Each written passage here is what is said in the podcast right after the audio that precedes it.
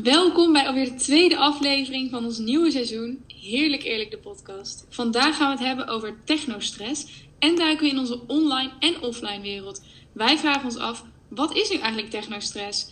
En wat zijn onze persoonlijke statistieken en hoe komen wij tot rust?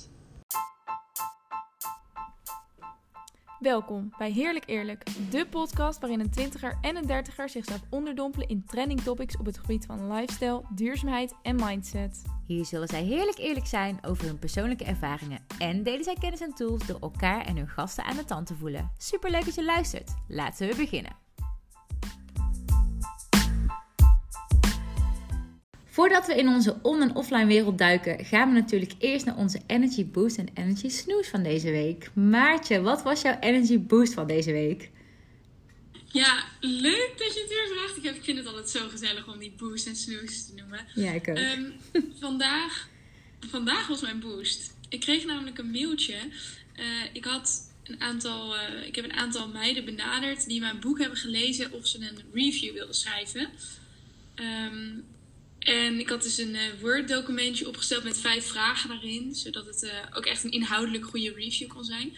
En toen kreeg ik vandaag een mailtje terug en er stond in: ehm, Hey Maartje, hier bij het documentje ingevuld. Ik ben gewoon echt eerlijk geweest en oprecht. Ehm, succes of zo.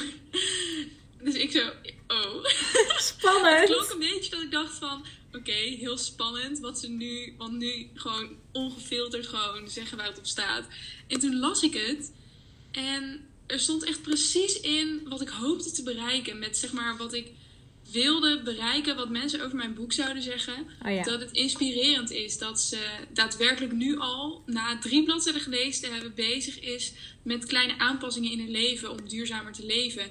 Ehm, ze vertelde dat ze eh, heel veel dingen niet wist. En dat ze nu eh, niet per se alles rigoureus gaat veranderen. Maar wel elke keer bewuste keuzes maakt.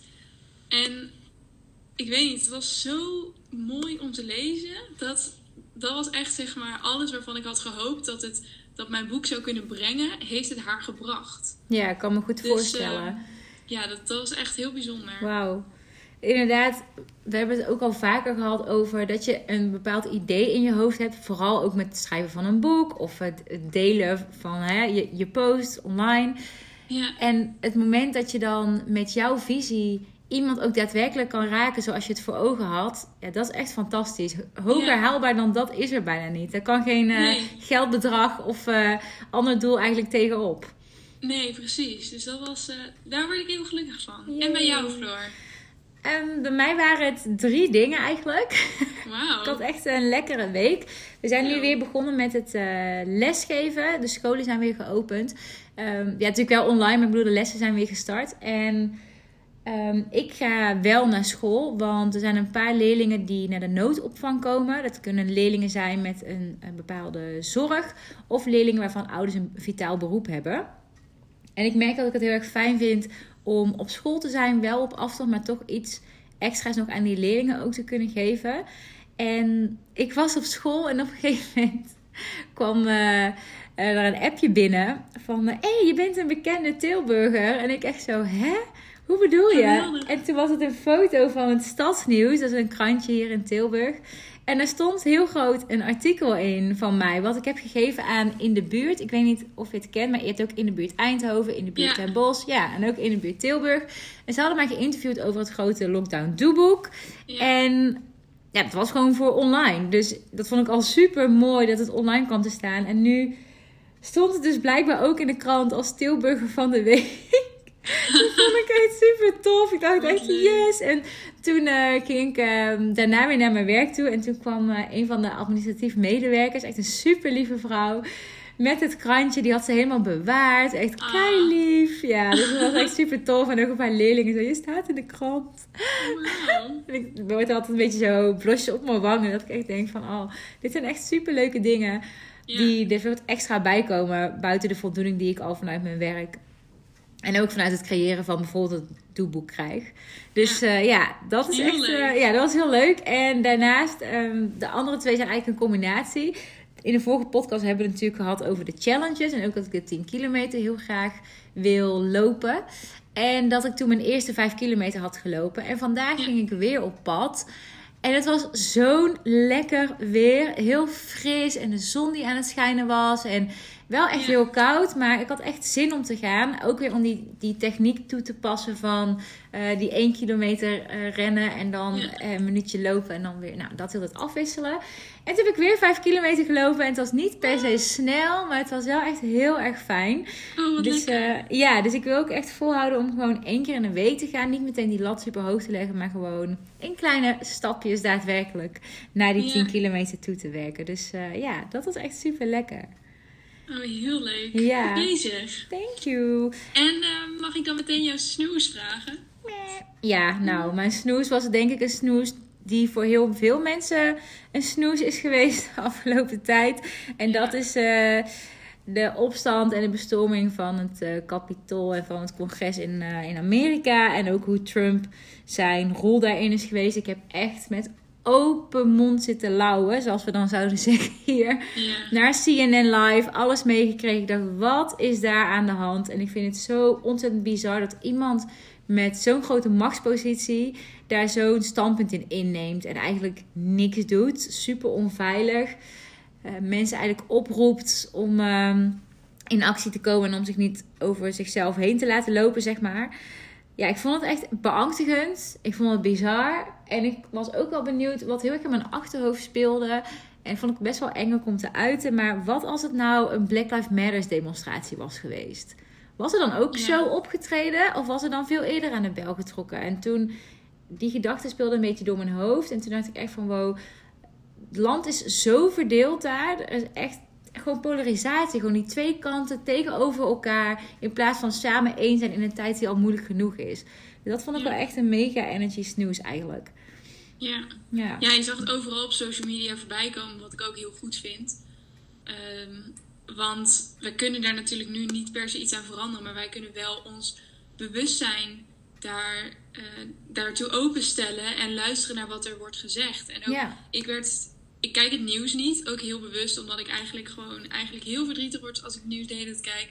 Maar ik zag dus eh, bij jou het eerste, jij had het al echt meteen toen het gebeurde volgens mij gedeeld, Floor Ja. op je story. Ja, toen klopt, ik wat is dit eigenlijk? En toen zag ik het overal voorbij komen. En ik echt vol verbazing. Dat ik precies ook dat je zei dat er op een gegeven moment ehm, die Black Lives Matter protesten, dat er echt een leger aan mensen stond. En Ja. dat nu selfies werden gemaakt met politieagenten. En ik dacht, hoe kan dit? I mean, huh? Wat? wat? Ik snap het gewoon niet. Ja, dat is wel echt super bizar inderdaad. Vind ik ook echt. En ik vond ook wel, eh, als, je, als we het dan hebben over wat kan je zeg maar doen hierin. eh, wat jij zegt is inderdaad op het moment dat je iets voorbij ziet komen, in plaats van daar meteen een mening over te vormen, oké, ga, je, ga jezelf eens inlezen. Dus Ja. ga eens kijken, nou, oké, waar gaat het over? Wat vind ik daarvan? Eh, kan je iets delen daarover? Wil je iets delen daarover? Want natuurlijk, op het moment dat het over zoiets gaat en het land zelf al zo tegenover elkaar staat, dan zul je ook mensen in Nederland hebben. En ik kreeg ook best wel wat berichtjes van mensen die zeiden van ja, het is nep en het zijn allemaal acteurs. En nou, ik zei daar wel iets anders in. Maar ik dacht wel, oké, ik ben ook wel benieuwd waar dat dan Ja. vandaan komt. En ik heb het ook meteen toegepast in mijn lessen. Dus ik heb al bij mijn klassen eh, in 20 minuten laten, zoveel mogelijk laten opzoeken over wat er nou eigenlijk allemaal aan de hand is. Wauw. Ook om hun, eh, dat ze leren om zelf ook een mening te vormen over wat gebeurt er allemaal in de buitenwereld. En Ja. wat vind ik daarvan en waarom vind ik dat? En wat zijn nou goede bronnen en wat niet? Dus ehm, uiteindelijk ook wel een boost dat je daar dan iets mee kan doen. Maar ik stond wel echt eh, met open mond eh, naar CNN te staren. Ik dacht echt, oh mijn god, wat een ellende. Ja, dus dat was eh, mijn merp, snoes. Ja. En die van jou?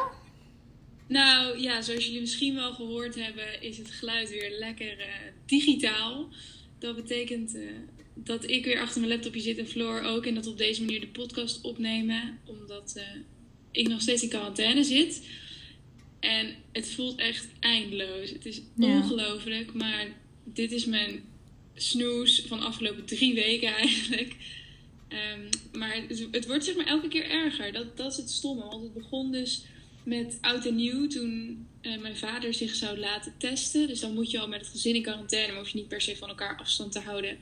Nou, toen was ik positief getest. Dus toen hielden wij afstand van hem. Ja. Toen een dag later eh, is mijn moeder positief getest. Dus toen was wel heel fijn voor hem, want dan mocht hij samen met mama in elk geval zijn en konden ik en mijn zusje samen zijn. Ja. Ehm, En dat ging eigenlijk best goed. Het is heel raar, want opeens zijn de rollen omgedraaid in het gezin. Dus mijn zusje en ik moesten dus voor onze ouders zorgen. Nou, dat hoop je gewoon zo lang mogelijk uit te stellen. Ja. En ze waren niet eens heel ziek. Maar ja, ze mochten eigenlijk verder niks. Eh, maar goed, dus dat, dat ging eigenlijk heel goed. En we groeiden ook echt naar elkaar toe als gezin. Dus dat, was, dat had ik wel echt weer iets heel moois. En toen eh, mochten mijn zusje en ik ons weer laten testen na vijf dagen in quarantaine en eh, buiten contact geweest te zijn, zeg maar, met mijn ouders. En toen eh, testte mijn zusje positief en ik negatief. Dus dat betekent dat mijn zusje bij mijn ouders boven mocht zitten en dat ik eh, in mijn eentje mocht koken, de was mocht doen en het huis op mocht ruimen. En vooral alleen Ja. beneden zitten en niet in contact komen met hun. En dat zij met z'n drieën, hoe stom het voor hun ook is, ehm, maar wel met z'n drieën mogen zijn. Ja. Ehm, en dat ik dan ook echt moet zeggen tegen ze van ik wil jullie niet zien. Ja, dat is met echt pijn in lastig. mijn hart. Ja, dat is echt lastig. ik wil ze het allerliefst van de wereld wil ik ze zien en wil ik ze knuffelen en wil ik de hele tijd bij ze zijn. En Ja. ik wil niet ziek worden. Ik wil niet besmet worden, want dat betekent dat ik nog langer in quarantaine zit. En wie weet wat het virus wel of niet kan doen, uiteraard. Ja. Ehm, gelukkig zijn mijn ouders en mijn zusje hebben geen tot milde klachten. Dus dat is heel fijn. En we hopen dat het natuurlijk zo blijft. Maar het is, ehm, ja, het is gewoon heel moeilijk. Want ik moet elke keer zeggen: nee, jullie moeten boven blijven. Niks aanraken. Elke seconde je handen ontsmetten. En ehm, alle, alle deuren heet het ook om alles maar te laten tochten. Dus ja, pff, het, is, eh, het is niet leuk. Nee, super zware situatie. Echt na joh. En normaal de vorige keer vertelde je dat je inderdaad nog met het gezin, hè, die warmte en samen zijn. En dan nu sta je echt los van het Ja. gezin. Eh, ben je alleen maar achter je scherm. Kan je inderdaad kan je geen liefde voelen en geen warmte. En is er eigenlijk nog een grotere afstand terwijl je toch bij elkaar in huis zit. Dus dat is echt wel Ja. eh, pittig joh. En dat, dat is het, want je zit dus bij elkaar in één één huis en ik hoor ze praten en ik hoor ze dingen samen kijken. En gisteravond was de mol ook weer op tv en dat is Ja. echt iets wat we normaal gesproken altijd samen als gezin doen. En nu zat ik alleen Ja, en nee. hoor ik hun boven gezellig met z'n drieën. Nou, weet je, het is allemaal subjectief, want zij zitten natuurlijk met z'n drieën, maar zij zitten met z'n drieën op één klein kantoortje. Gepropt op twee stoelen, zeg maar. Te kijken naar een soort laptopscherm. Dus het is voor hun ook totaal niet perfect. Nee. De- dus ja, het is voor allemaal niet leuk. Maar het, ja, ik voel me gewoon echt enorm geïsoleerd. En dat is echt het verschrikkelijkste gevoel in de wereld. Nou, ik stuur je een digitale hug. Ja, thanks. Nou, veel sterkte joh, bij jullie thuis ook. thanks. Maar, Floor, we gaan het vandaag hebben over eh, iets anders. Het lijkt er wel een beetje op, want we zijn zo lekker digitaal aan het praten. En we gaan het ook hebben over digitale schermen, notificaties. En jij had een heel mooi woord voor gevonden. Technostress. Het deed mij meteen denken aan een technofeest. Ja. Maar goed, jij had een hele mooie, een mooi artikel gevonden en ik ben heel benieuwd. Ja, ik wou bijna zeggen, was het maar zo'n feest. Maar ik hou helemaal niet van techno. Ik ook niet, maar elk feestje is op dit moment wel. nou, echt serieus. Nee, ik had... ehm, ik weet niet of ik het wel eens heb verteld eigenlijk in deze podcast. Ik denk het wel aan het begin dat ik een abonnement heb op Linda Meijden. En ik heb een abonnement op Linda Meijden omdat ik hun visie ehm, op vrouwen en op eh, inclusiviteit vind ik echt super goed. En niet, elk, niet elke uitgave, maar sommige gaan ook echt heel erg over duurzaamheid. En ik denk wel dat voor meiden van onze leeftijd, maar ook, ja, van onze moet ik zeggen, van mijn leeftijd, maar ook van jouw leeftijd. En ook wel eh, de, de tieners, dat het goed is om daarmee bezig te zijn en ook om die inclusiviteit in een blad te ervaren. En ik vind het ook leuk om te zien waar mijn leerlingen mee bezig zijn en wat hun bezighoudt. Dus vandaar dat ik Ja. een abonnement had genomen. En volgens mij komt hij één keer in de maand of twee maanden komt hij uit. Hij komt niet heel vaak uit, maar wel echt heel erg leuk. En ik was het aan het lezen en het ging over online en offline zijn. En op een gegeven moment werd het begrip technostress genoemd. En er staat: technostress is de spanning die je voelt door een overload aan communicatie en informatie. Daar hoort ook de stress bij om snel te reageren op berichten. Dat doen we omdat we bang zijn voor een negatieve reactie van anderen. En ik las dat en meteen dacht ik: oh, hier wil ik met Maartje over in gesprek. Over hoe dat wij dat zeg maar ervaren. En ook jij als twintiger en ik als dertiger. Zit daar een verschil in? Uh, allebei zijn natuurlijk actief op social media. Jouw platform is groter dan dat van mij. Maar ik denk wel dat we redelijk dezelfde tijd er ook aan spenderen. Um, dus ik vroeg me eigenlijk heel erg af, als ik het zo zeg, zeg maar, en ik heb het over die technostress, herken jij dat? Ervaar jij dat? Nou, ik heb online, we hebben het hier volgens mij in de eerste of de tweede aflevering ook al een beetje over gehad. Ja, volgens klopt. mij de eerste. Ja, um, ik vind online zijn heel leuk. En het heeft me echt, echt heel veel gebracht. Maar om even meteen over het stukje techno-stress te gaan, dat ervaar ik ook zeker wel. Um, ik vind het echt heel fijn om uh, een dag telefoonloos te zijn of een dag deel telefoonloos. Uh, als ik ga wandelen, laat ik ook het liefst mijn telefoon thuis. Het is dat ik uh, het wel fijn vind om bereikbaar te zijn voor het geval dat. Of, nee, you never know. Ja, als er iets gebeurt of zo bedoel je? Ja. Ja, precies. Of als ik de weg niet meer weet, dat gebeurt ook nog wel eens. Ja. maar um, nee, ik, ik vind. Uh, ik, ik merk dat ik gestrest kan worden soms van, uh, van al die technologie. Ja. En jij? Ja, ik heb dat ook wel. Ik merk wel vooral met, die, met dat stukje uh, de spanning die je voelt door een overload aan communicatie en informatie. Ik denk ook dat we daar wel eens vaak over hebben gehad. Dat ik soms ben ik um, zo. Uh, heb ik zoveel ambities rondom mijn bedrijf en rondom ondernemen. En toffe projecten en evenementen en podcasts en alles erop en eraan. dat ik dan uh, online ga en dan zie ik bijvoorbeeld dat iemand een boek heeft geschreven of een podcastaflevering heeft opgenomen met iemand die ik heel inspirerend vind of over een bepaald onderwerp en dan gaat bij mij een soort gaan een soort radar zeg maar aan en dan gaan er allerlei dingen in mijn hoofd rondom die passie eigenlijk gaan dan lopen en dan gaat het heel erg over oh ja ik moet dit nog even doen en oh nu zie ik dit dat wil ik ook iets mee doen en vroeger kon ik dan echt niet slapen omdat ik dan zoveel onrust, had. En niet eens over dingen die ik deed, maar gewoon over ideeën en overload en informatie. En altijd maar aanstaan. En ik merk nu dat ik ehm, dat wel nog steeds kan hebben. Maar dat ik mezelf een soort trucje heb aangeleerd om ervoor te zorgen dat ik sneller weer terug in die rust kan komen. Dat is dan niet, de rust is dan niet helemaal wedergekeerd, maar wel al meer. En ik denk wel dat door het vaker te doen, dat het ook beter gaat. Dus nu heb ik bijvoorbeeld, als ik allerlei ideeën heb, dan of dump ik ze bijvoorbeeld bij jou. dat ik even kan sparren met iemand over alle ideeën. Of Nou, ik weet ook weer waarom ik hier zit.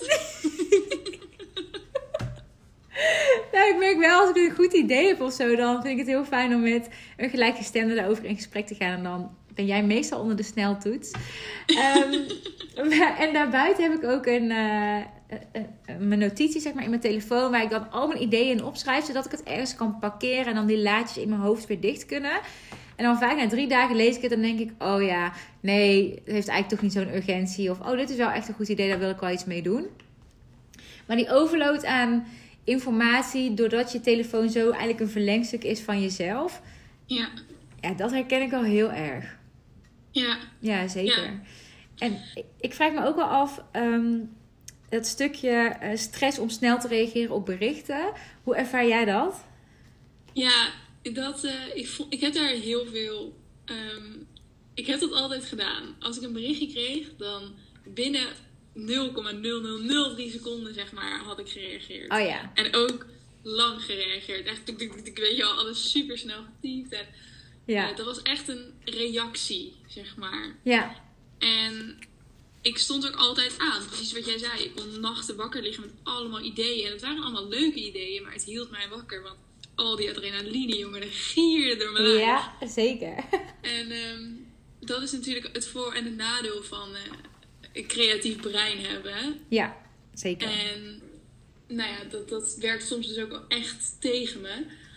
Um, maar ik heb nu de laatste tijd, zeker door corona, nee, en eigenlijk daarvoor, want dan kreeg ik een berichtje van iemand waarvan ik dacht, ik wil niet dat hij denkt dat ik de hele tijd op mijn telefoon zit, weet je wel. En dus heel snel reageer. Snap? Ik bedoel? Ja, ik snap hem. Zo van, je hebt een bepaalde uh, type voor jezelf gecreëerd van, ik ben buiten en rust en ook nog mediteren en yoga, dus ik zit niet de hele tijd op mijn telefoon.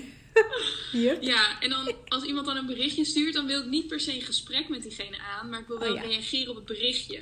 Maar als ik direct reageer, dan is diegene online en gaat hij ook direct reageren. Wat betekent dat je een gesprek hebt. Ja. En dat klinkt misschien heel lullig, maar soms heb ik gewoon behoefte om gewoon iets te zeggen en dan pas de volgende dag het ges- gesprek weer zeg maar te hervatten. Ja. Dus ik heb mezelf echt geleerd van oké, minimaal vijf minuten wachten. Nou, en dan rek ik dat zoveel mogelijk zeg maar. Wat is dan het doel van minimaal vijf minuten wachten? Puur om dan het gesprek uit de weg te gaan? Ja. Oké, get it. Ja. Ja, ik merk Een ook... twintiger probleem voor. Ja, want ik merk wel dat ik inderdaad vroeger vaak eh, echt hele gesprekken voerde online op WhatsApp.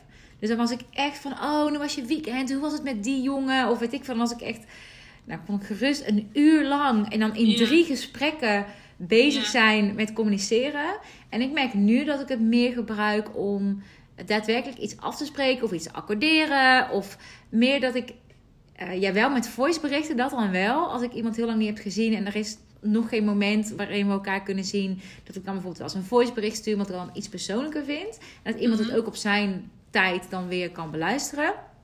Maar verder is het veel meer een tool om eh, af te spreken en om, of om even iets kleins te delen dan dat ik daadwerkelijk heel het gesprek aanga. En dat herken ik wel. Toen ik jouw leeftijd had, was ik daar heel anders in dan dat ik daar nu in ben. En ook Ja. vooral het stukje, anders zit je heel de tijd op je scherm. En dan komen er ook weer meldingen vanuit Facebook of vanuit Instagram. Of, oh, iemand heeft een nieuwe TikTok geplaatst of weet ik veel. En dan zit je zo weer een uur, ben je gewoon van je dag kwijt omdat je online bent. Ja. Nou ja, ik, had, ik heb dat dus ook wel echt gehad. Dat je zo met vier mensen tegelijkertijd zat te appen, zeg maar, op de bank. Terwijl je tv aan het kijken was en dus precies niks daarvan meekreeg. Ja, Maar eh, ja, nu wat jij zegt, is het ook wel veel meer een afspreek eh, geworden. Maar ik merk wel dat nu ik alleen zit, zeg maar, de hele dag, dat ik het wel heel fijn vind om die gesprekken weer aan te gaan. En ehm, wel ook echt te communiceren via WhatsApp. ja, dat snap ik wel. Maar dat is natuurlijk ook een uitzonderlijke situatie bijna. Ja, Of nou ja, maar het is nu bijna een jaar een uitzonderlijke situatie. Ja, ik wou zeggen, in deze tijd eigenlijk niet meer, maar ja. Nee, Ja. ik weet niet meer wat normaal is en wat oud is, zeg maar. Ja, nee, dat snap ik wel. Maar ik merk ook wel dat op WhatsApp heel vaak miscommunicaties kunnen ontstaan. Omdat Ja. dan dingen geschreven worden zoals ze niet bedoeld zijn, of bedoeld zoals ze niet geschreven zijn. En nou ja, Ja. ja, zeker. Dat herken ik ook wel echt. Ik merk dat bijvoorbeeld bij mijn leerlingen dat de emoticons, dat ze bijna met emoticons eh, praten met elkaar. Om Ja. uit te leggen wat ze ermee bedoelen. Alleen bij mij vroeger was het heel erg de puntje, puntje, puntje. Oké, puntje, puntje, puntje. En dat betekende eigenlijk zoiets als: oké, fuck you. Of ja. Oké, aardig, maar niet heus. Dus het is best wel lastig, ook als je communicatief eh, misschien minder sterk bent, of je hebt andere kwaliteiten, of je zit niet op één lijn omdat je elkaar nog niet zo lang kent. Denk je, wat bedoelt diegene daarmee? ja. En dan kan je ook echt met een soort anxiety en stress blijven rondlopen. Van oké, moet ik dan toch bellen? Ja, ik ga echt niet bellen, want wie belt er nog in deze tijd? Dus Mhm. ja, dat, dat is ook wel echt lastig. Ik, ik had toen net ook nog opgeschreven, ehm, wat is het doel van reageren op iemand? ja. heb je vaak dat je dan denkt van oké, dan ben ik er maar van af. Of is echt, ik merk bijvoorbeeld nu dat ik vaak mijn moment pak om even op mijn WhatsApp bij te werken. En dat het doel is dat mensen zich eh, gezien voelen. En op het moment dat het echt een gesprek wordt, dat ik dan zeg van hey, zullen we binnenkort een keertje afspreken. Maar toen Ja. ik jou hoorde, dacht ik, is het doel van reageren ook van oké, dan heb ik in ieder geval eh, een reactie gegeven. Of hoe sta jij daarin met betrekking tot WhatsApp, maar ook met betrekking tot DM's? Vroeg ik me ook nog af, want jij krijgt ook best wel veel DM's. ja, nou met WhatsApp. ehm, ik zit in best wel veel groepsgesprekken met WhatsApp. Ja, En ja, dat de ene keer wel en de andere keer niet reageren. Ja, ik weet niet. Ik vind het moeilijk. Ik vind het nog steeds moeilijk om in een groeps WhatsApp te zitten. Want dan heb je weer 200 gemiste berichten. En dan moet je alles teruglezen of niet. Of moet je heel veel actief daarin reageren. Of, en hoe zien mensen je dan? Weet je, ik ben dan echt zo'n denker. ja, Ehm, en voor de rest, WhatsApp, ik met mijn vriend dus wel echt gesprekken ja, omdat ik die nu natuurlijk ook niet kan zien, maar ook eh, omdat we natuurlijk niet samenwonen. Eh, moet je toch een beetje je gesprekken, zeg maar. Ja, eh, wil je tuurlijk. wel elke dag weten wat, je, wat diegene doet. Of, nou, dat is gewoon interesse tonen, zeg maar. Ja. En, dus met hem heb ik wel echt gesprekken. Maar dat is dan ook wel weer intrinsiek vanuit jezelf. Omdat Ja, je hem gewoon, die bent gewoon echt Ja. geïnteresseerd in je lover. Dus ja. Ja. Met mijn moeder is vooral tikkies. nee, of boodschappenlijstjes? Nee. Ehm, nee, die bel ik gewoon. Dus daar gaat niet echt een fatsoenlijk WhatsApp-gesprek. Ja. Ehm, en verder heb ik heel veel, heel vaak heb ik gewoon appjes van iemand die wat aan me vraagt. Die wat voor me wil. En Ja. andersom ook. Als ik iets wil van iemand, dan stuur ik ook een appje. En dan is het dus precies wat jij zegt. Reageren. eh, antwoord geven. En dan is het ook weer klaar. Ja. Dus, maar dat gebeurt wel echt op dagelijkse basis. Ja. Flink een aantal keer. Want, oh ja, je hoort trouwens eh, soms Marley even tussendoor. Voor degene die het niet weten, Marley is mijn kat. En die wil altijd heel erg graag de aandacht als Maartje en ik met elkaar in gesprek zijn. Ja. Ehm, als we het dus dan hebben over die stress om snel te reageren op berichten. ehm, kan, je wel dat, kan je dat wel eens naast je neerleggen? Dat je dan denkt van oké, ook in zo'n groepsgesprek. eh, bang voor negatieve reacties. Of eh, hè, wat anderen dan van je vinden. Of heb je wel dat je dan kan zeggen van ja, ik lees het gewoon niet. Of ik geef aan van ja, sorry jongens, ik kan deze 200 berichten nu echt niet lezen. Nobody got time for that. Of hoe ga je daarmee om? In groepsgesprekken niet. Nou, dan geef je dat niet aan. Tenminste. Ehm is wel grappig, want ik zit dus nu in mijn minor ondernemerschap. Ja? En dat is vanaf het begin al gecommuniceerd van alles gaat of, eh, online. Dus we gaan elkaar nooit in het echt zien. En dat was voor iedereen best wel een domper. Want ik ben daar zeg maar, vanuit mijn studie de enige die die minor heeft gedaan. Ja. Een nieuwe stad, eh, nieuwe mensen. ehm, en ik ben heel, heel nieuwsgierig altijd. Ik wil altijd heel graag mensen leren kennen. En hun persoonlijk verhaal horen. En echt zeg maar connecten met iemand. Ja? En dus toen hebben we ook via, het hadden we een eh, online college. En toen heb ik ook aangegeven van zijn er mensen die het leuk vinden om wel een keer af te spreken. Ja. En nou ja, toen op een gegeven moment hebben we dus, dat was van de zomer, dus toen mocht je gewoon nog met grote groepen op afstand mocht je afspreken. Oh ja.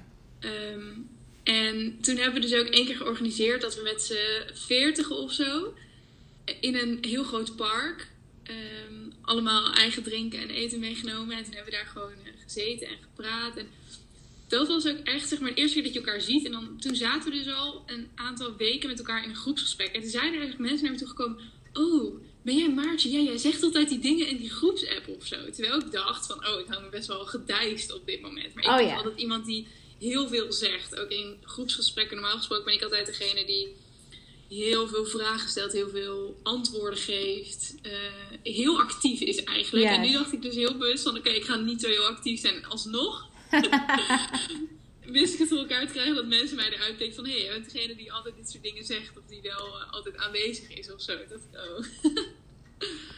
maar ja, dus ik, heb, ik ben iemand die heel graag van reageren en betrokkenheid houdt. Dus als iemand iets zegt, dan voel ik me ook heel snel aangesproken... en het gevoel dat ik daar dan iets mee moet. Oh ja. Ja. En ja, dat levert, dat, wat ik net al zei, dat kan me best wel stress opleveren. Omdat dat het... eh, dat altijd aanstaan en altijd antwoord willen geven... en altijd het goede antwoord willen geven. En, Oh ja. Ja. dus ja... Ja, dat zit er dan ook nog bij en dat je het dan ook nog heel graag allemaal heel goed wil doen. Ja. Ja. Ja, een moeilijk leven hoor. Ja, nou, dat is best wel lastig. Ja. Ik merk wel bij mezelf dat ik ehm, op jouw leeftijd dat ook heel erg had. Eh, van, oh, geef ik, reageer ik wel snel genoeg? En oh, ik moet in iedereen geïnteresseerd zijn op elke foto reageren. Eh, en ook meteen. En oh, dat ik echt soms gewoon chagrijnig kon worden op mijn vriend bijvoorbeeld. Omdat ik dan... ja, ik moet heel even dit appje doen. Of ik moet, weet je wel, echt zo. Of ik moet, nu Mm. moet ik echt eventjes... eh, ja, ik kan nu even niet meedoen. Of ik kan nog even niet koken. Want ik moet eerst dit en dit en dit en dit nog even doen.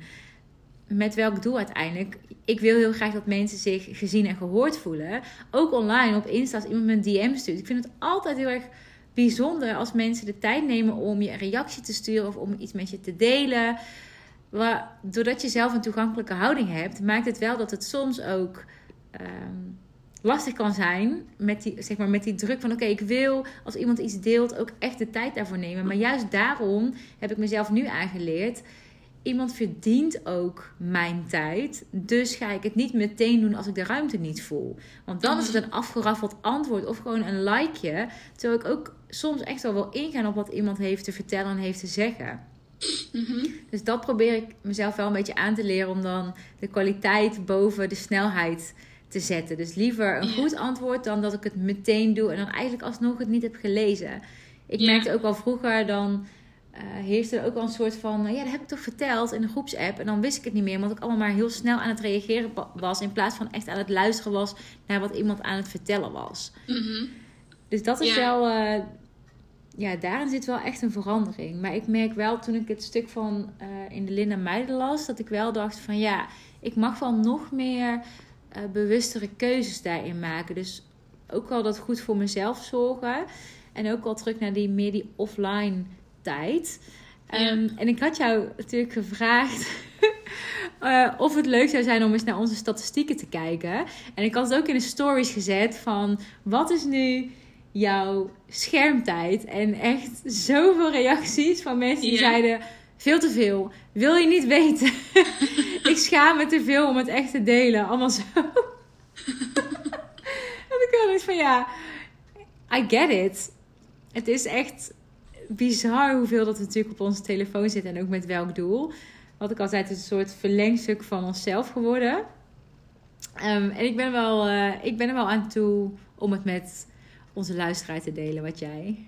Ja, ben je er aan toe? Ja, ik ben er wel aan toe, ik durf het wel aan.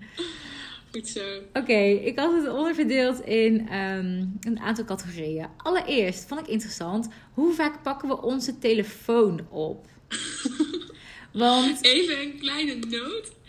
Ehm, ik, eh, ik heb nu natuurlijk wel iets meer dan gemiddeld. ja, logisch. Schermtijd, meldingen, telefoon oppakken. Omdat ik dat, dat zeg maar mijn enige soort van connectie met De buitenwereld. een ander levend persoon is. Ja, precies, ja.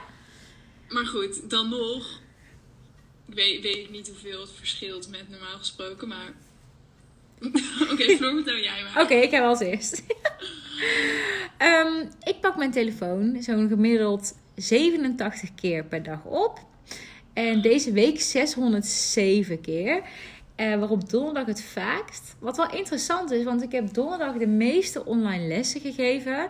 Maar ik denk door dan te kijken hoe laat het is, of toch even nog een melding, of oh ja, straks die afspraak, dat ik elke keer, nou echt soms wel drie keer per minuut, dat ik dat ding dan oppak. Dat ik echt denk, oké, stop, leg hem weg. Dus ik heb hem op een gegeven moment weggelegd, omdat ik dus wel merkte dat ik een beetje onrustig was en heel veel naar de tijd aan het kijken was. Terwijl ik was gewoon online aan het lesgeven en de tijd staat gewoon letterlijk rechtsboven in mijn scherm. Dus op zich heb ik mijn telefoon helemaal niet nodig. En dan heb ik ook een horloge om. Joh. Dus dat is bij je kan mij... ook zien, toch, wat je dan opent. Ja, dat kan je ook zien. Oh, daar heb ik niet naar gekeken. Maar inderdaad, die 87 keer per dag vind ik wel... Ja, vind ik wel best wel veel eigenlijk. En bij jou? Ja, ik heb ehm 109 staat hij nu op. Daily average. Ja. En ik had vrijdag 143. Dat was mijn meeste. En deze week staat hij op 764. En daarbij open ik bijna altijd WhatsApp als eerste. Ja. Of Instagram. Ja. En daarna camera. En daarna allemaal een beetje niet zoveel, zeg maar. Maar WhatsApp en Instagram springen er wel echt uit.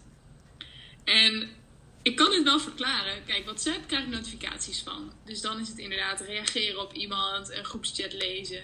Nou ja, wat Ja. we net allemaal hebben verteld. Precies. En Instagram, dat is gewoon echt ehm, automatisme. En het is zo irritant. En Yep. ik probeer het af te leren. Maar ik merk gewoon soms dat ik mijn telefoon open zonder dat ik nadenk. Dat Ja. ik Instagram open zonder dat ik nadenk. En dat ik opeens zit te scrollen. En dan denk ik, hoe ben ik hier gekomen? Ik ben echt zo benieuwd of de luisteraar dit herkent. Want ik heb echt meteen... Ik denk meteen, ja. Yep. That's me. En ik heb een tactiek bedacht. Oké, vertel. Ik heb bedacht. Ik heb dus mijn Instagram eh, icoontje, weet je wel, die, die widget of zo. Die heb ik verplaatst. Die heb ik op een andere plek gezet. In een mapje. Dus die moet ik eerst openen en dan. En dat werkte voor een week. Ik heb namelijk die week heel vaak. Wat had ik daarin gezet? Iets van notities of zo. Dat ik helemaal mijn notities open. Ik dacht, huh, waarom zit ik in notities? Ik dacht, Oh ja, hier stond mijn Instagram. En dat gewoon die handeling, zeg maar. Maar Ja. goed, je, je bent heel snel. Wij mensen zijn super snel aan adopteren. En zeker als het iets is waar je die gelukshormonen van krijgt, wat Instagram dus wel is. Zeg Ja, maar. die Dus dan- dopamine shot elke keer. Precies. Dus Ja. ondertussen weet mijn duim heel duidelijk waar het mapje zit, waar de Instagram in zit. Ja, same. Bij mij hetzelfde. een nieuwe plek geven. Ja, ik heb hem ook in een, ehm, in een mapje gezet. Ik dacht, en dan ga ik er minder snel naartoe. Maar het is letterlijk scroll, mapje, Instagram. Ja. het gaat echt veel te snel. Ik herken Ja, ook wel bij mij... wel, om hem af en toe een nieuwe plek te geven, dat werkt wel. Ja, klopt wel, ja. Maar ik denk dat de diepere laag daarin wel is... ehm, waarom zit je zoveel op je telefoon? En heel vaak is het echt eh, weglopen van bijvoorbeeld als je je vervelend voelt. Dus niet eh, geconfronteerd willen worden met wat er allemaal om je heen gebeurt. Dus bijvoorbeeld je bent moe of eh, je bent chagrijnig of je voelt je kut. Dat je dan je telefoon pakt en een soort verdwijnt in die online wereld. Terwijl het veel mooier zou zijn om aan te gaan wat er op dat moment echt aan de hand is. Kijk, ik ben, Ja. ja, bij mij is het ook eh, WhatsApp. eh, ook heel veel. Instagram. Bij mij staat nu ook TikTok heel hoog. Omdat ik nu net een TikTok-account heb aangemaakt. Ook voor mijn werk. Echt super leuk trouwens. Het heet Jouw Mentor op TikTok. Als je het leuk vindt om te volgen. Geef even lekker likey. maar ehm, op TikTok ben ik, ja, ben ik wel heel veel bezig. Ook met scrollen. Omdat het is natuurlijk zo ingericht dat je elke eh 15 tot 60 seconden een nieuw filmpje krijgt. Je hersenen krijgen continu nieuwe prikkels binnen. Eh, leuke, inspirerende eh, prikkels. en echt het weglopen van wat er eigenlijk aan de hand is. En ik merk dat als ik op ehm, TikTok ga om een filmpje op te nemen, dan ben ik er ook heel lang mee bezig. Maar dan ben ik meer in mijn creatieve proces bezig. En dan vind ik het leuk om iets voor een ander te doen. En om het leuk weg te zetten en om te editen. Maar dat doe je allemaal in die app. Dus dan is het logisch dat je daar lang op zit. Maar dat vind ik iets anders dan zeg maar scrollen. En met Instagram heb ik hetzelfde. Dat het moment dat ik naar Instagram ga omdat ik iets met de wereld wil delen. Of een story wil posten. Of eh, ja, iets online wil zetten. Vind ik het echt anders dan dat ik erop ga zitten. En vervolgens weer drie kwartier aan het scrollen Ja. ben. Ehm, dus dat is, daar zit wel echt een verschil in. Ik zag wel net bij mijn apps dat eh in TikTok, Instagram, WhatsApp en dan daaronder stond de Sassy Timer. Ik ben namelijk helemaal fan van Sarah's Day. Zij is een Australische eh, ja, influencer eigenlijk. En zij is heel erg van holistisch werken. Super leuk gezin, heel energiek. En zij heeft de Sassy Timer als app ontwikkeld. En daarin kan je eh circuittrainingen zeg maar, doen. Dan kan je zelf instellen hoeveel exercise je gaat doen. En hoe lang ze moeten duren. En hoeveel pauze je hebt. En nu door corona heb ik een soort bootcamp in mijn tuin. Dus ik heb allerlei eh, sportspullen. En het begon eigenlijk met een vriendin die zei van ja, ik zou echt wel willen sporten. En toen zei ik, ik heb best wel veel spullen in huis. Zullen we anders in de tuin een keer een circuitje doen? En nu heb ik, gebruik ik die timer daar elke keer voor. En mijn vriend zei laatst van, ben je aan sportschool begonnen of zo? nog, een, nog een nieuw project. Ehm, Leuk. Ja, maar eh, dat vond ik wel een goeie. Ik dacht, yes, die timer staat nu ook best wel hoog. Omdat ik er dus ook heel veel Ja. op zit. Omdat ik zo lekker buiten aan het sporten ben. Dus dat vond ik dan Ja. wel weer leuk om eh, te lezen. Dat mag wel in mijn schermtijd wat mij betreft. Ja, Ehm, dat mag eh. Ja, bij mij zie je ook heel veel teams. Dus gewoon online ja. colleges of dat soort dingen. Ja, tuurlijk. Dat Ja, ook, ja zeker. hey, en ehm, kijk, wij pakken natuurlijk heel veel onze telefoon op. Maar we krijgen ook heel erg veel meldingen binnen. Ik was een tijdje geleden met een vriendin. En zij vertelde me dat ze echt 600, 700 meldingen binnenkreeg. Dat ik echt zei, yo, ouwe, dat is niet normaal. En toen ging ik bij Crap. mezelf kijken. En ik ben ook wel benieuwd, hoeveel meldingen krijgen wij nou eigenlijk? Maatje, bij jou? Bij mij eh 183, maar ik heb Instagram uitgezet. Ja, moet je nagaan. Ja, Zo die ju. Dat is echt wel veel. Ja, ik heb er 159 per dag. Inderdaad ook, ik heb heel veel notificaties uitstaan. Sowieso Instagram heb ik uitstaan. Waar oh, en ik- heb mail ook uitstaan. Oh ja. Ja, moet je nagaan. Dus al zonder die twee zitten we al richting de 200. Ja, en waarvan 95% bij mij WhatsApp is. Ja, bij mij ook heel veel WhatsApp. Maar ik zit dus ook in, wat ik net ook al zei, een aantal groepen. En ja, dat, dat blijft maar doorratelen. En daar hoef ik ook verder niet iets mee. Ja, true.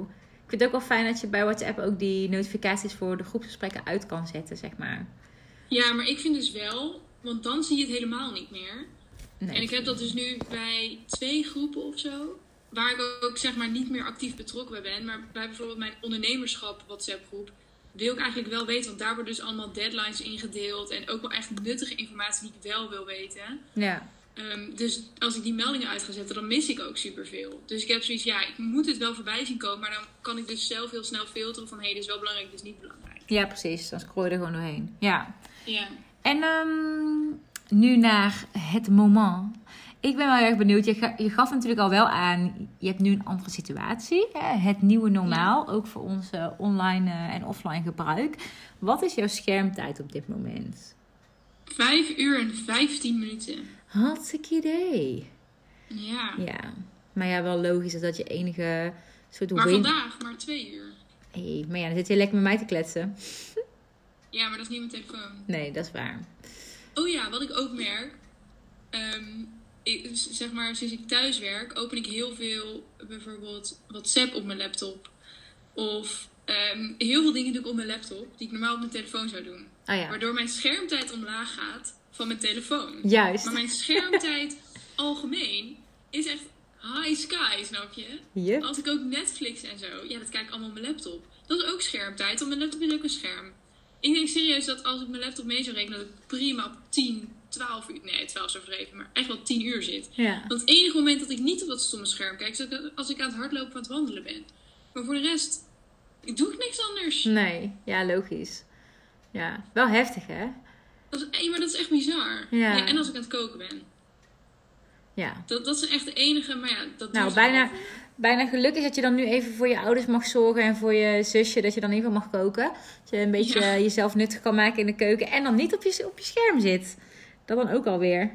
Nou, ik bedenk me dus nu dat ik gisteren tijdens het koken heb ik een nieuwe serie.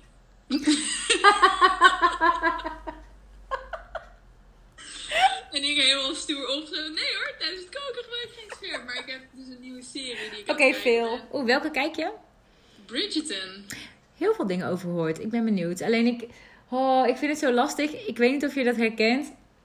Ik heb dat ook met boeken en dat heb ik ook met series. Een soort boekenstress. En dat, dat je, ehm, ik wil zoveel lezen. Ja. Dat mensen dan zeggen: oh, Heb je deze al gelezen? Oh, dit, dit boek moet je echt lezen. En dat doe ik zelf ook bij anderen. Maar dan denk ik: Oh ja, ik zet het op mijn lijstje. Ik zet het op mijn lijstje. Nu heb ik echt zo'n lijst van 20 boeken. Terwijl ik heb hier Ja. thuis nog, ik denk, 25 boeken liggen die ik nog wil lezen. Mhm. Dat ik dan een soort van overflow ook weer aan informatie krijg. Dus Ja. niet alleen technostress, maar ook boekenstress. En ook Netflix-stress. Ja, Want dan ja, oh, die serie en die serie. En ik heb echt al echt een shitload aan series gezien. Maar dan toch denk ik van, oh ja, die wil ik toch op mijn lijstje zetten. Terwijl ik juist ook door Steven Bartlett echt heb geleerd dat ehm, de tijd dat je op Netflix zit, die investeer je dus niet in jezelf. Ja, Dus beter dat je die tijd. Tuurlijk mag je soms wel Netflix kijken, maar dat je als je uren Netflix aan het kijken bent, dan kan je van die, die vier uur die je aan het kijken bent, kan je er ook twee in jezelf investeren of in je Ja. rust. Of ja. Nou, ik merkte dus dat ik...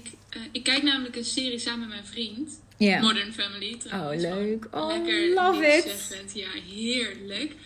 Maar die kijken we dus samen. En nu zie ik hem dus niet. Dus ja, we kijken ook allebei niet verder. Nee. Maar verder kijk ik eigenlijk echt bijna nooit Netflix. Oh ja. Alleen soms als iemand zegt er staat een documentaire op of een goede film. Maar kerstfilm is ook wel echt uitzondering voor gemaakt. maar normaal gesproken kijk ik heel weinig Netflix. Ja. En toen zat ik dus, zeg maar de afgelopen twee weken, zat ik dus elke avond een soort van alleen Ja. hier. En dan bleef ik dus, zeg maar, een soort van werken. Dus ik, ik volg cursussen, die bleef ik dan echt tot 10 uur s'avonds, 11 uur s'avonds ging ik die volgen.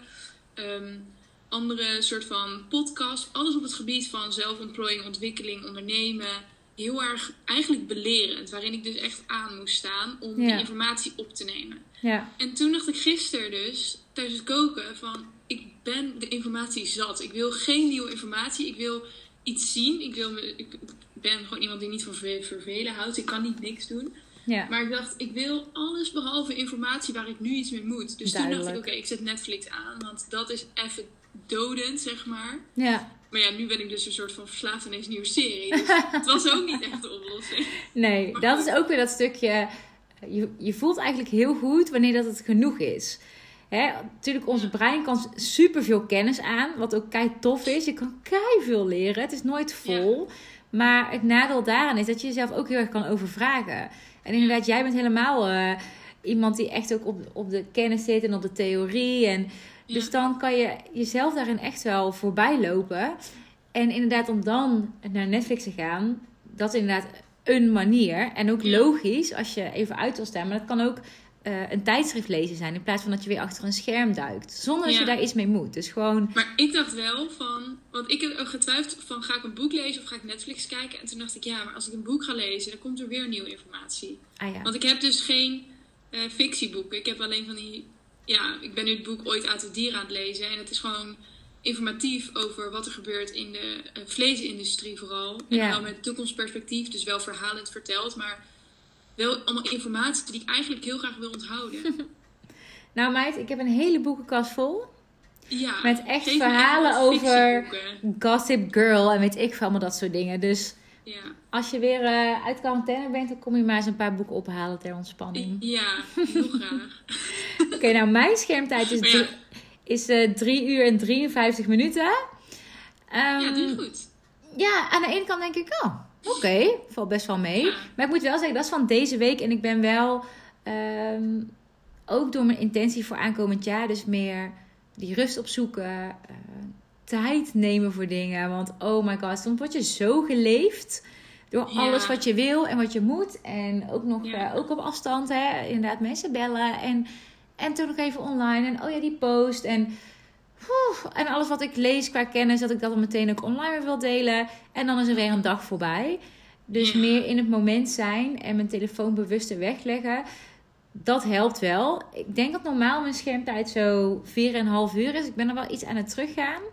Ja, maar eh, het mag van mij wel echt na drie uur.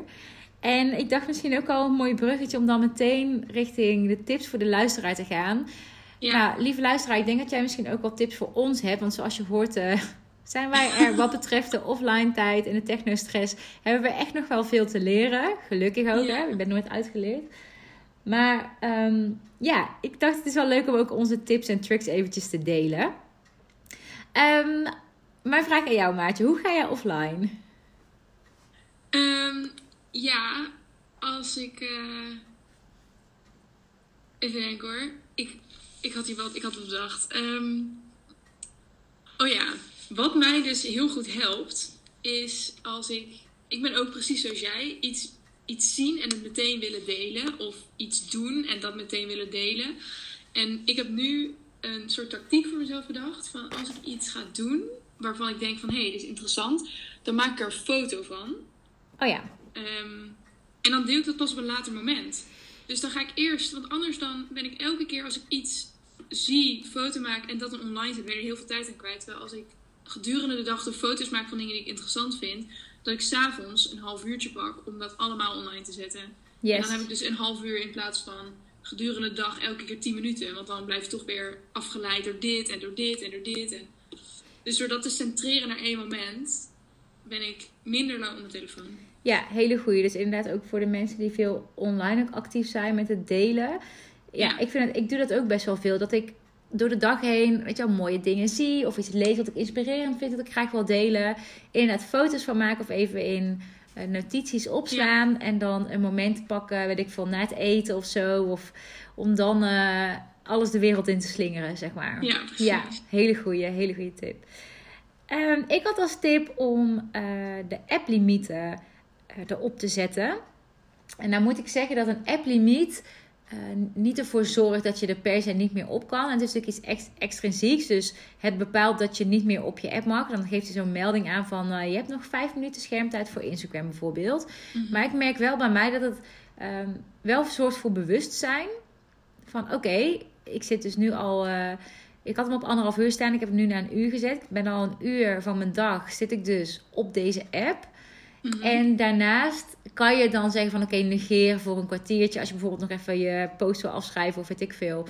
Maar of negeer voor de hele dag als je zoiets hebt van ja, fuck it, vandaag even niet. maar een vriend van mij heeft dus ook een app-limiet met een code. En dan heeft zijn vriend heeft de code. Dus hij heeft zeg maar bijvoorbeeld een half uur voor Instagram en Facebook. En als dan de... ehm, dan geeft hij aan, dus je hebt nog vijf minuten. En als het dan op is, dan kan hij er dus ook echt niet meer op. Want alleen zijn vriend kan hem ontgrendelen. Oh my god. Ja, en hij zegt ja, het is eigenlijk super triest, maar toch helpt het wel, want ja, genoeg is genoeg. Ja, heel mooi. Ja, dus Ik ga je... weet niet of ik dat zou kunnen hoor. Ik ook niet. Ik zou echt naar mijn vriend heen en zeggen, wil je hem alsjeblieft ontgrendelen? Ja, Maar het kan wel helpen. Stel dat de luisteraar iemand is die denkt, nou, dat is misschien wel een goed idee om even cold turkey te gaan. Dan ehm, denk ik dat een app-limiet wel echt kan helpen, sowieso voor je bewustzijn. ik denk dat het voor iedereen zo goed is. Of in elk geval, het zou voor mij heel goed zijn. Want wat moet je op dat apparaat? Heel eerlijk. Mm. Ja, fair. Maar goed, oké. Over nadenken. Interessant. Ik vind hem interessant. Ja, goeie hè? Misschien wel een februari challenge. Ja, wie weet. Nou, ik ga eerst nog even mijn andere challenges overleven, maar... Ja. Ehm, ja, ik kan ook nog de notificaties uitzetten. Dat helpt wel. Wel merk je dus, wat jij ook zegt, dat je hem dan toch ook wel oppakt. Maar je ziet wel dat bijvoorbeeld WhatsApp vraagt het meeste aandacht. Dus als je bepaalde notificaties kan uitzetten, dan helpt het ook al voor meer rust. Wat ik ook vaak doe, is hem op maandje zetten. Dus hem op, eh, tenminste bij iPhone is het dan een maandje. En dan heb je dat je... eh, Niet storen of zo. ja, niet storen functie. Ja, inderdaad. Sorry, ik kom er even niet op. Ja. Ja. Dus dat vind ik ook wel echt een fijne. Even... Maar wat doet dat dan? Ehm, nou, normaal krijg je natuurlijk constant je eh, appjes binnen en je notificaties binnen. En ik heb ook nog eens een Apple Watch, dus dan trilt hij ook de hele tijd als ik iets binnenkrijg. En als ik hem dan op maandje zet, dan geeft mijn telefoon geen geluid of trilling of iets dergelijks rondom een melding. En dan geeft hij het ook niet weer op mijn scherm. Oh. Dus dan krijg je niet een banner met eh, die en die heeft je een bericht gestuurd of uh, weet ik veel, een kattenfilmpje of whatever. Dus dan kan je gewoon, bijvoorbeeld als ik ga lezen, dan of hem op vliegtuigmodus zetten of op maandje. Dat helpt me wel heel erg. Ja. En ik Oh, doe hem vaker op maandje zetten, omdat ik wel soms als ik iets aan het lezen ben, iets wil opzoeken. Of iets wil googelen. Dus dan kan ik in ieder geval wel weer snel naar internet toe, dan dat ik hem van mijn vliegtuigmodus moet afhalen. Ja. Maar ja, dat. Ja, oh, die is wel goed. Die ga ik even onthouden. Ja, ik zal ze even opschrijven ook. Dan, eh, Ja, want lekker- vliegtuigmodus werkt bij mij nooit. Want dan wil ik mediteren of wil ik iets anders doen. Dan denk ik, ja, dan moet ik weer mijn vliegtuigmodus afhalen. En dan tik, tik, tik, tik, tik, Ja, zeker. Ja, en dan is het wel met zo'n maandje is het wel fijn dat je dus wel je app kan gebruiken, bijvoorbeeld voor mediteren of whatever. Maar dat je dan wel je notificaties in ieder geval even uit je meditatiezone Oh, gaan. Nice. Ja, goed hè? Ja. Ehm, verder had ik ook app apparaatvrije tijd instellen. Dus ja, ook, weer iPhone. Het zal vast op die andere ook wel kunnen. Dat je instelt wanneer dat je niet meer op je telefoon mag van jezelf. Of laten we het positief benaderen. Wanneer je tijd voor jezelf mag nemen zonder een scherm. Wauw. Dus dan kan je bijvoorbeeld zeggen, nou vanaf 11 uur 's avonds of vanaf 8 uur of net wat, wat bij jou past en wat bij jouw ritme past, kan je dan apparaatvrije tijd instellen. Wat ik vooral doe, ehm, is die app- apparaatvrije tijd sowieso op 11 uur 's avonds zetten. Maar daarvoor, als ik bijvoorbeeld naar boven ga om mezelf te gaan klaarmaken om naar bed te gaan of om nog te lezen, om hem dan beneden te laten of in ieder geval in een andere ruimte te leggen. Zodat ik ehm, me echt kan focussen op gewoon het naar bed gaan. Ja. En daarbij komt dan wat jij ook doet, weet je wat, die zes minuten dagboek of journalen. Of even bezig zijn met het afsluiten van die dag en met hoe heb ik me gevoeld. Heb ik bepaalde dingen misschien verdrongen? Eh, wat is er allemaal goed gegaan? En dan iets rustiger in te slapen. Ja. En op mijn eh, lijstje, waar we het natuurlijk ook eerder over hebben gehad, staat ook wel dat ik een eh, ouderwetse wekker weer wil, wil kopen. Oh ja. Want ik hoor vaak mensen zeggen van ja, maar mijn telefoon is mijn wekker. Maar je hebt Ja. gewoon van die piep piep piep piep piep piep. Ja, of radiowekker. Of radio inderdaad, dat kan ook. Ja. Ik zal maar niet gaan zingen. De piep piep. irritant. Maar niet uit. Ja. Eh, dus dat. Ehm, en ja, heb jij nog tips? Want hoe, Ja. wat, als we het he- ook hebben over selfcare en zo. En die offline tijd zeg maar goed benutten. Ja, precies. Want wat ik ook aan het begin zei, is dat ik heel veel waarde hecht aan een telefoonvrije dag of een vrij dagdeel. Een hele dag lukt mij niet vaak. Maar een dagdeel vind ik wel heel fijn. Dat ik echt zeg van oké, ehm, de, deze middag of deze avond of deze ochtend of nou ja, welke dag dat dan ook mag zijn, dat ik even geen telefoon doe. Ja. En dat werkt voor mij ook heel goed om het dan tegen anderen te zeggen. Ja. Je hoeft geen reactie van mij te verwachten, want ik zit er niet op. Of ehm, of juist als ik er dan wel stiekem op ga, dat andere mensen zeggen van hé, hey, je had toch een telefoonvrije middag. Ja. Oh, ja wel. Herkenbaar. Dat, zeg maar die combinatie van intern, want het is iets wat ik wil. Ik heb namelijk bedacht dat ik die telefoonvrije middag wil. In combinatie met extern, dat mensen mij feedback geven daarop. Of dat, dat het gewoon niet kan, doordat je die limiet hebt gezegd dat je je telefoon uit het raam hebt gegooid, whatever. Ehm, dat, zeg maar, die combinatie die werkt bij mij altijd heel goed. Ja, supergoeie. Dat is echt een hele goeie. Dat delen inderdaad. Je hoeft het niet in je eentje te dragen. En dat kan je echt helpen om je doel sneller te halen. Ja, Ja, ik vind dat dagdeel ook wel mooi. Dat je zo, oké, ik doe een apparaatvrije ochtend. Of inderdaad, Ja. s'avonds ga ik, als je dan met mensen mag zijn en kan zijn, ga ik inderdaad met mijn vriend of mijn kat of mijn goudvis Ja. of mijn moeder. eh, pak ik een avondje samen en eh, inderdaad gaan we iets kijken of gaan we lekker een spelletje spelen. Of ja, Nou, het is wel grappig, want als ik dus met, eh, bijvoorbeeld toen nog kon, met vriendinnen ging eten of we hadden een in een twintig diner of echt iets, iets moois, zeg maar. Ja. Zeiden mensen van, jij moet toch altijd foto's maken? En terwijl ik dan altijd degene was die dan juist geen foto's maakte. ja typisch. Terwijl anderen dan dat moment wel gebruikten om foto's te maken. Dat ik zei van, ja maar ik kan de hele dag op mijn telefoon. Dit is het moment dat ik even met jullie echt kan zijn. Weet Ja. je wel, dat dat niet allemaal via die digitale kanalen hoeft. Ja. En dat, dat dat. Ik ben dan juist, zeg maar, in gezelschap kan ik heel makkelijk dat ding wegleggen. Heb ik echt geen probleem mee. Aan tafel of tijdens spelletjes zitten sommige mensen gewoon als dat ze hem ergens dichtbij moeten hebben of zo. Terwijl als ik samen met anderen ben, dan, dan mis ik mijn telefoon niet eens. Maar het is echt als ik alleen ben of als ik me verveel, als ik niet weet wat ik moet doen, ehm, als ik online les heb, dan vind ik het heel verleidelijk om dat ding erbij te pakken. Ja. Maar zodra ik zeg maar echt met iemand ben, dan, dan leg ik mijn telefoon ergens neer en dan kan ik een uur lopen zoeken en dan kan ik dat ding niet vinden, omdat ik hem gewoon te lang al niet heb gebruikt. Zeg maar. Dat is wel een heel mooi teken. en ook wel een goede inderdaad dat... ehm, het is ook best wel asociaal, vind ik, als je met iemand in gesprek bent, om dan ondertussen even je Ja. mail te checken of zo. Dat ik denk van, waarom kan, ik, kan je dat niet doen als je straks uit deze afspraak bent of naar huis gaat of in de trein zit of whatever. Precies. Ja, ja, goeie. Maar dat is ook een gewoonte geworden, denk ik, van heel veel mensen. Dat we nu weer langzaam met z'n allen bewust worden van... hé, hey, dat is inderdaad ook niet chill. En dat we daar Ja. met z'n allen van af willen. Maar dat het nu een soort patroon is geworden. Ja, zeker. Ja, klopt inderdaad. En ik denk ook als laatste tip. ehm, we hebben het er toen net ook wel natuurlijk eventjes over gehad. Maar kijken naar ehm, waarom zit je op je telefoon? Kan je het inderdaad in iets nuttigs investeren? En voel misschien wat je echt nodig hebt. Dus als je gaat verdwijnen in je telefoon, is het omdat je bijvoorbeeld moe bent? Mag je dan naar bed gaan? Of wil je liever mediteren? Of is het goed om even naar buiten te gaan en de buitenlicht op te zoeken? Of heb je juist behoefte aan echt verbinding? Dus echt met iemand in gesprek gaan? Ja, Dat is ook nog wel een, ehm, een mooie. Dus je bewustzijn van waarom zit je nou eigenlijk op dat Ja. ding? ja. Ja, inderdaad.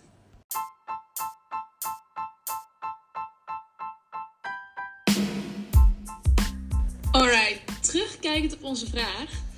Wat is nou eigenlijk technostress en wat zijn onze persoonlijke statistieken en hoe komen wij tot rust? Ik denk dat we kunnen concluderen dat we wel zeker getriggerd worden door die online wereld en de notificaties. Maar dat we ook zeker wel een keuze hebben in hoe we hierin omgaan. En dat we zeker wat vaker offline mogen gaan. Ja, zeker. Nou, mocht je dit een leuke aflevering vinden of ons willen supporten, deel het vooral met de wereld via social media. En vergeet ons niet te taggen at liveofmaar.nl en at Floor van Tuin. Vinden wij super leuk. En gebruik natuurlijk onze hashtag Heerlijk Eerlijk de podcast. Als je vragen hebt die we kunnen behandelen in de podcast. Of als je ons gewoon iets wil vertellen. Stuur dan een mailtje naar heerlijkeerlijkdepodcast.gmail.com Of een DM via Insta. Dankjewel, lieve luisteraar. Jij bent te gek. En vergeet niet, offline is een new luxury. Doei doei! Doei doei!